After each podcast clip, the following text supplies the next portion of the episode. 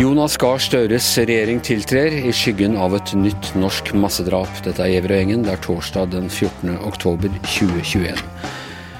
Ja, eh, Håvard Christoffersen, kollega i, eh, i Krimpodden. En eh, mørk dag, dette her. Et uh, massedrap som har kostet fem liv på, på Kongsberg i, i, går kveld. Og dere var ute allerede i morges med en ekstrautgave av Krimpodden? Mm.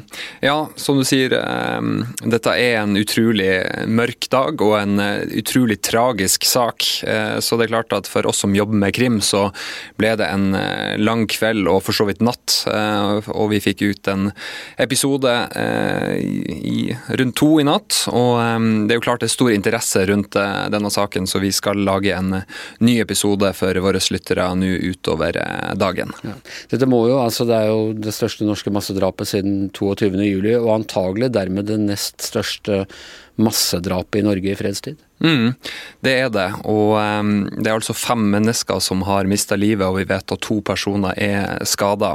Og um, det vi vet om denne mannen som uh, står bak, det er at han er en 37 uh, år gammel uh, dansk statsborger, og han skal ifølge politiet være en konvertitt til uh, islam. Og så er det jo flere også som stusser på uh, at han har brukt pil og bue. Og um, Det vet vi at han har, og, men vi vet ikke hvordan type. Om det er et armbrøst som er kraftig og kan være skadelig. Uh, men vi vet også at um, politiet sier at det er brukt andre våpen, men de har foreløpig ikke gått i detalj på det. Og så altså da en eh, konvertitt, så da lurer man jo på er det, er det et politisk, religiøst eh, motiv? Er det terror? Ja, Politiet har sagt at eh, det er naturlig å undersøke det sånn som eh, situasjonen står nå, men eh, de er klar på at det er for tidlig å si noe om motivasjon om, for denne handlinga per nå. Men vet også at PST er kobla på, og da vil gå gjennom den eventuelle etterretningsinformasjonen de har om denne 37-åringen. Altså Når sånne ting skjer, eller lignende ting, sånne ting skjer heldigvis ikke så ofte, så svermer det jo nå da av av opplysninger og påstander og rykter på eh, sosiale medier. Og et av de spørsmålene som jeg ser går igjen, er hvorfor forteller ikke politiet mer? Hvorfor forteller ikke vi eh, i mediene mer? Det er en følelse der ute av at vi sitter på masse informasjon som vi ikke deler. Gjør vi det? Mm. Vi sitter på en del informasjon, og det er riktig som du sier at vi får svært mange tips. Eh, og vår jobb som journalister er jo å verifisere denne informasjonen, sånn at det vi gjengir er korrekt. Eh, og så tror jeg at grunnen til at eh, politiet er såpass sparsommelig med informasjon, det handler også om at de rett og slett ikke har den fulle oversikta. I tillegg så jo, er jo politiet godt i gang med ei etterforskning i denne saken, og med hensyn til den etterforskninga så er de nødt Eh, til å være såpass sparsommelig med opplysninger. Og Krimpodden er altså da i gang med en ny utgave som vil komme nå i løpet av ettermiddagen i dag, onsdag. og Den kan du da høre der du vanligvis hører på Krimpodden. Tusen takk, Håvard. Ja, kjære alle sammen som eh, er på Slottsbakken. Jeg har hatt med meg dette laget til kongen og gjennomført det aller første statsråd. Så dette er altså regjeringen som har tiltrådt. Jeg starter med å si at det er en spesiell dag å ta ansvaret på. Eh, og i dag så går egentlig mine første tanker til Kongsberg og de berørte som er der.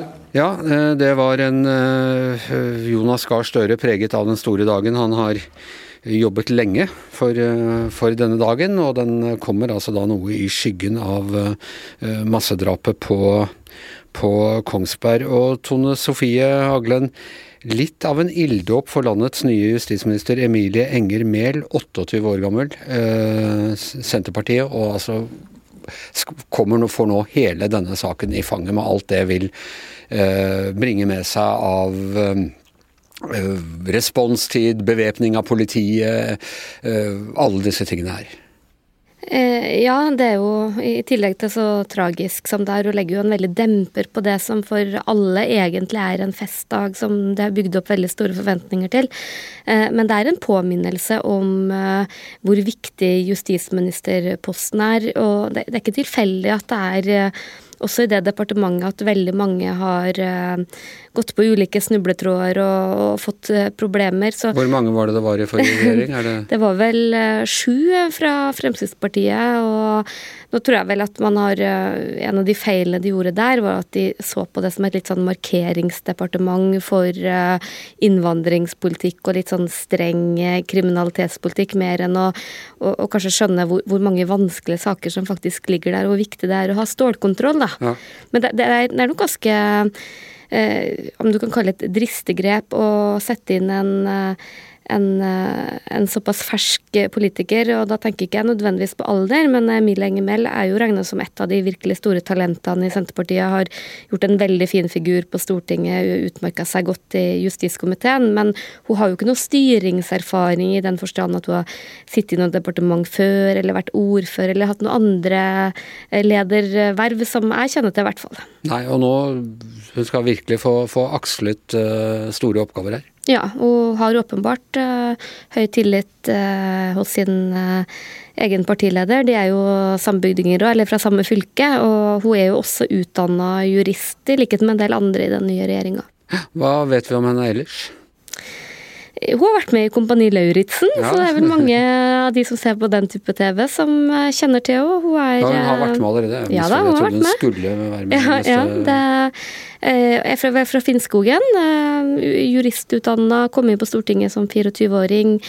Veldig sånn flink debatt søter, veldig skikkelig behagelig vesen. Så hun er en av de som det lenge har vært snakk om at uh, Senterpartiet kommer til å sette inn i regjering, men de signalene jeg får tidligere, er at, hun, uh, at de vil avvente litt. Og ofte så tar man jo de litt unge som ikke har så mye erfaring inn litt lettere departementer. Det er jo nettopp for å få øvelse i det å lede departement, for det er jo veldig mye av det vi undervurderer litt. Man må jo være en av de yngre statsråder noensinne? Ja, 28 er ungt i seg sjøl, det. Så det Nå har ikke jeg lista over de yngste, men Nei. det er jo ganske Det er jo jevnt over en veldig ung regjering. Jeg begynner å føle meg som en sånn halvgammel kjerring. Ja. Velkommen i selskapet. Jeg har bare én i den regjeringa som er eldre enn meg. Odd Roger Enoksen. Det er Odd Roger Enoksen, ja. Du, det er to andre uh, relativt uh, unge representanter. Uh, både næringsminister Jan Christian Vestre og kunnskapsminister Tonje Brenna de var på Utøya. Når, vi, først er snakk om terror. Tonje Brenna er virkelig en av de store heltene fra Utøya. Har reddet mange liv der. Hva tror du det vil bety at den generasjonen nå er på vei inn i regjeringen? Jeg tror i hvert fall at det har vært et uh, viktig poeng for eh, Jonas Gahr Støre å, se den generasjonen og ta den inn. Man snakker jo veldig mye om hvor mange man også mista, og hva det faktisk har betydd for uh, Arbeiderpartiets uh, både rekruttering, men også hvor lamma partiet har vært i mange år. Men eh, så vil jeg jo si at selv om begge de to har en eh, erfaring derfra, ikke minst Tonje Brenna kom jo med en bok i år som har eh, berørt det veldig mange, så er de jo tatt inn først og fremst pga. det de betyr politisk. Tonje Brenna har jo også gjort en veldig solid figur som fylkesrådsleder i, Viken, og når man nå leter etter en som kan få tilbake tillit for Arbeiderpartiet i skolepolitikken, så ble hun et et eh, åpenbart eh, valg der som, eh, som alle tenkte bare å ja, selvfølgelig, det var rett person på rett plass. Hvordan ellers, hvis vi ser regjeringen litt i fugleperspektiv, hvordan har de satt det sammen? Har de fått inn rette balansen? Kjønn, distrikt, etnisk bakgrunn, sånne ting?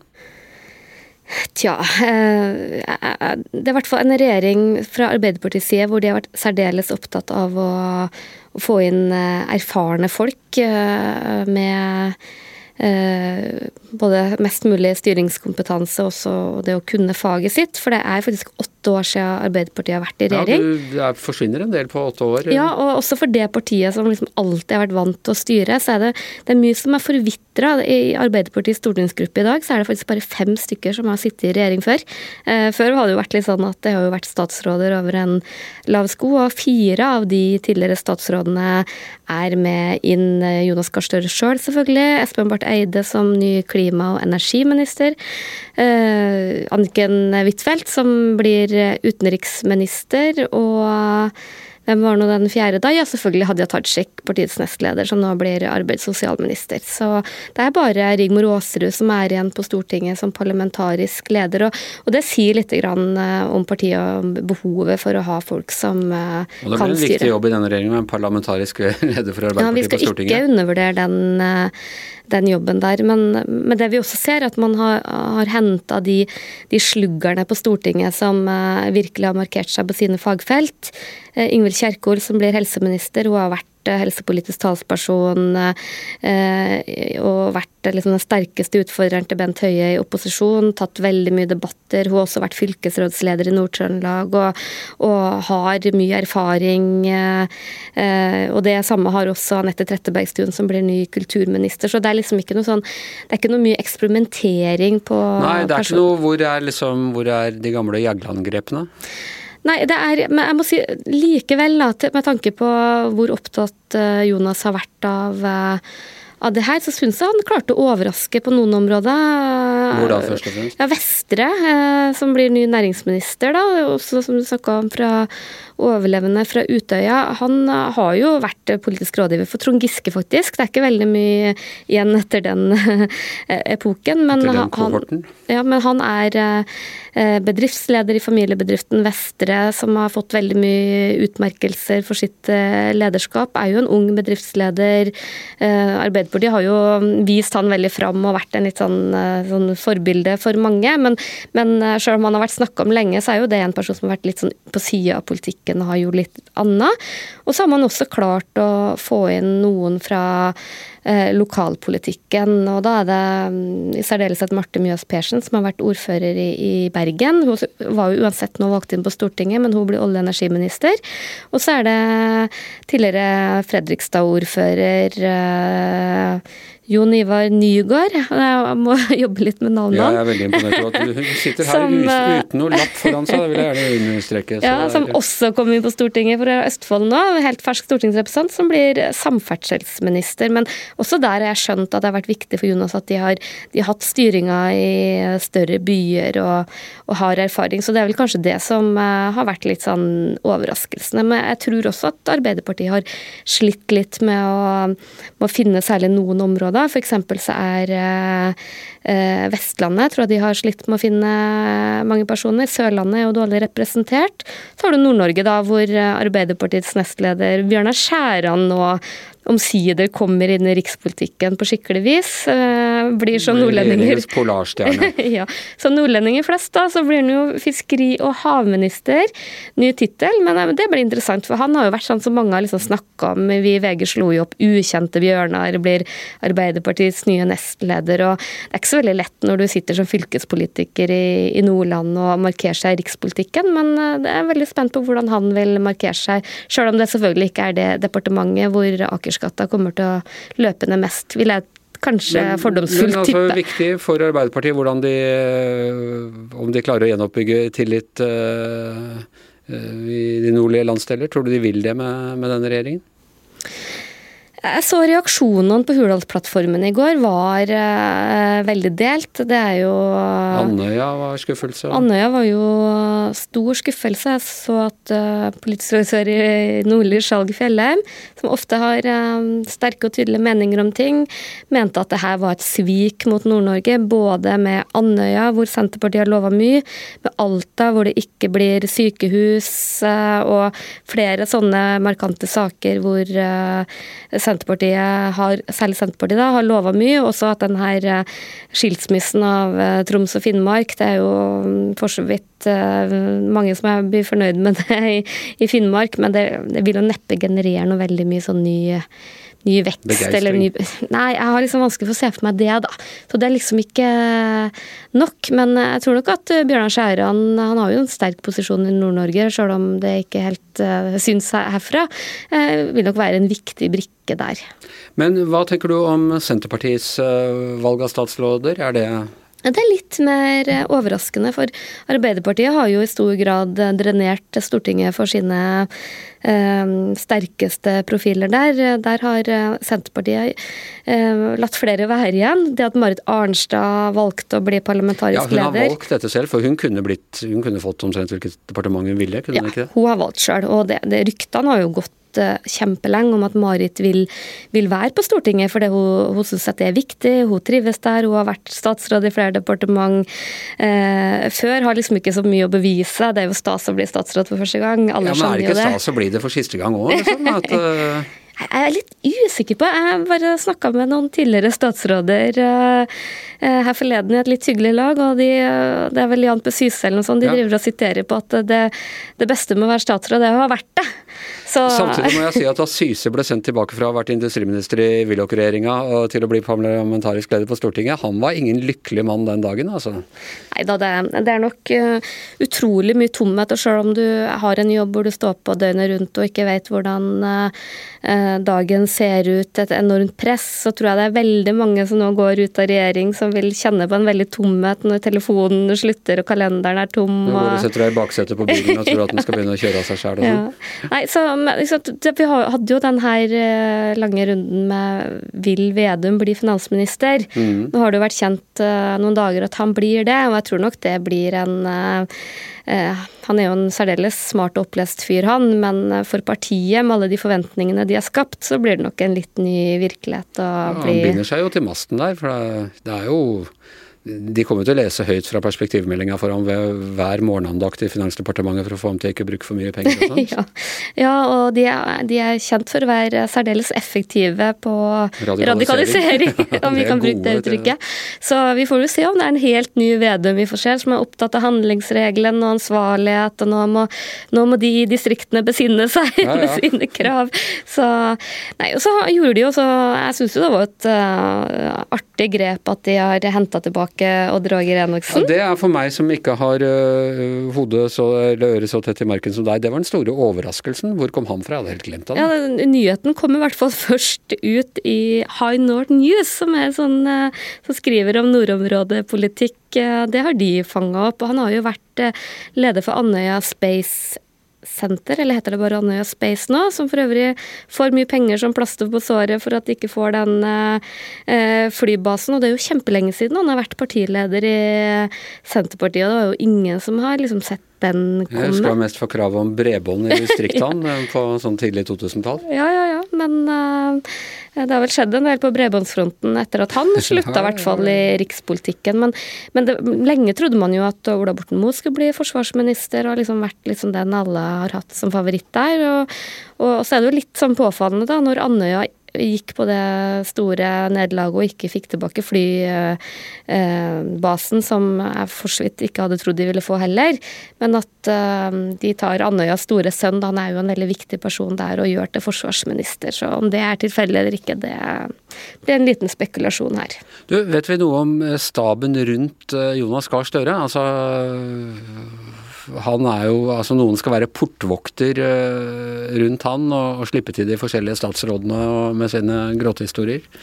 Ja, vi ser at han i veldig stor grad har eh, valgt det som har vært eh, teamet hans på, på Stortinget, eh, av eh, faste rådgivere og taleskrivere som har liksom vært Jeg tror til og med de kaller seg Team Jonas, eh, og har liksom bygd litt sånn stein på stein for å få han eh, til- tilbake i, i posisjon. En Og det er egen jo paramilitær gruppe så Ja. rundt Jonas Gahr det Støre. som, det som vel overraska mange, var at eh, Jarle Roem Haakonsen, som har vært Dagsrevy-anker og gikk fra NRK til Arbeiderpartiet, ikke blir med som statssekretær. Det kan godt være at det er sjølvalgt, det, det vet jeg ikke. Vi tar jo for gitt at alle vil uh, Alle vil i regjering. ja, mens eh, Thomas Bo Hornburg, da, som har også vært hans eh, en veldig viktig eh, tenker og skriver for eh, Støre, han eh, blir med. Han har vært kommentator i Aftenposten, så får Ja, vi litt sånn introverte Så her. Sånn i bakgrunnen på Hurdal i Ja. går. Også sånn Tale Jordbakke og, og Siri Hytten og sånn som har vært veldig nære rådgiver til han Astrid Huitfeldt. Det er liksom mye den samme. Og så er det veldig klassisk i Arbeiderpartiet da, at LO har fått en person inn. Der tror jeg nesten det er sånn nomineringsprosesser.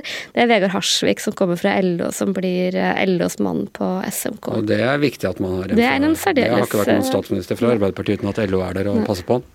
Nei, vi kan jo si Senterpartiet ellers, da. De, de, tar jo inn eh, selvfølgelig de to nestlederne sine, men eh, begge de to går jo til sånn relativt eh, lette departementer, eller ikke lette, det er jo litt sånn feil å si, men ikke de mest profilerte departementene.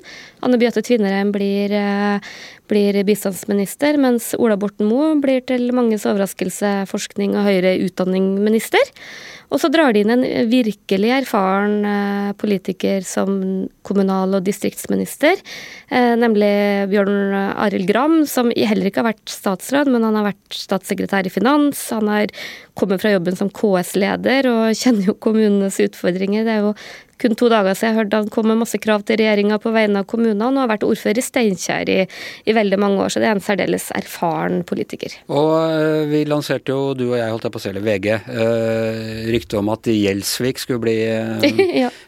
finansminister, men at Arbeiderpartiet rådet Senterpartiet fra det. og hvor, mm. det, det rådet har de åpenbart da fulgt, men hvor har han blitt av?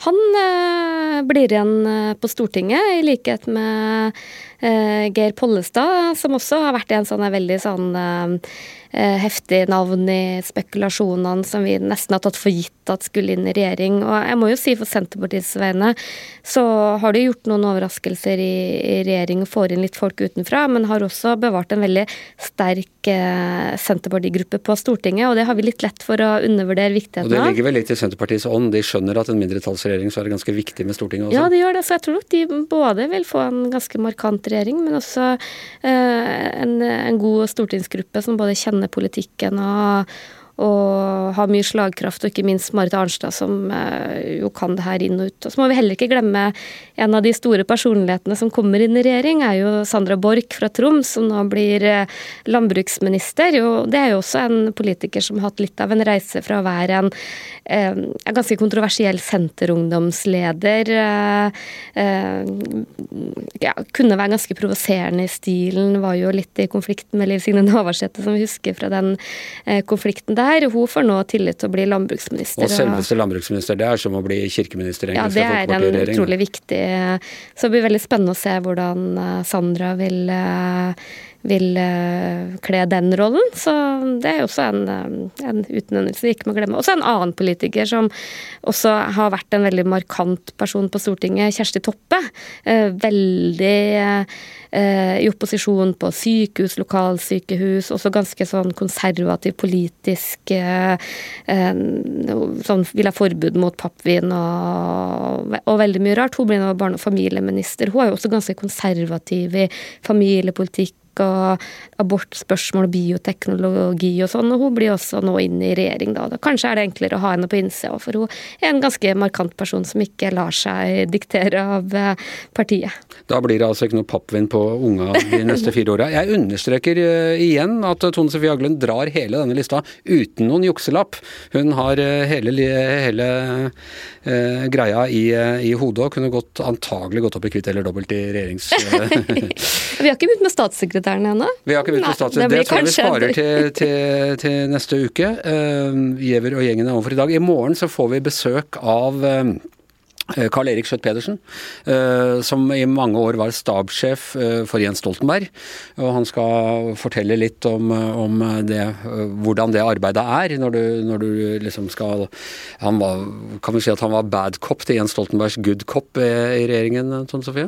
Absolutt, og han var jo statsråd på statsministerens kontor. Nemlig. Det er vel han den eneste som har vært. Ja. Ja, og ja, hadde nærmest et eget uh, lite uh, innenriksdepartement. Uh. Ja, og det gikk jo, Han er jo berykta for hva som skjedde når folk måtte inn på kontoret til han. Så... Det var ingen som gleda seg til det? Nei. Nei. før det så var han jo også finansminister i, i flere år, og utstyrt med, med, pisk og diverse torturredskaper i Roar Hagens uforlignelige strek. Ok, og så må vi si at neste torsdag så er, det, er vi tilbake på bakgården på Grünerløkka. Da kommer forhåpentligvis Audun Lysbakken og Knut Arild Hareide. Begge to eh, menn med, med erfaring fra, fra spe, hvordan man eh, holder en regjering samlet og spiller bak. Så kom og hør på oss der. Det er klokka fem eh, neste torsdag. Men i dag er det altså slutt. Her i studio eh, Håvard Kristoffersen, Tone Sofie Agling, jeg heter Anders Giæver, og stabssjefen vår og produsent er som vanlig Magne Antonsen.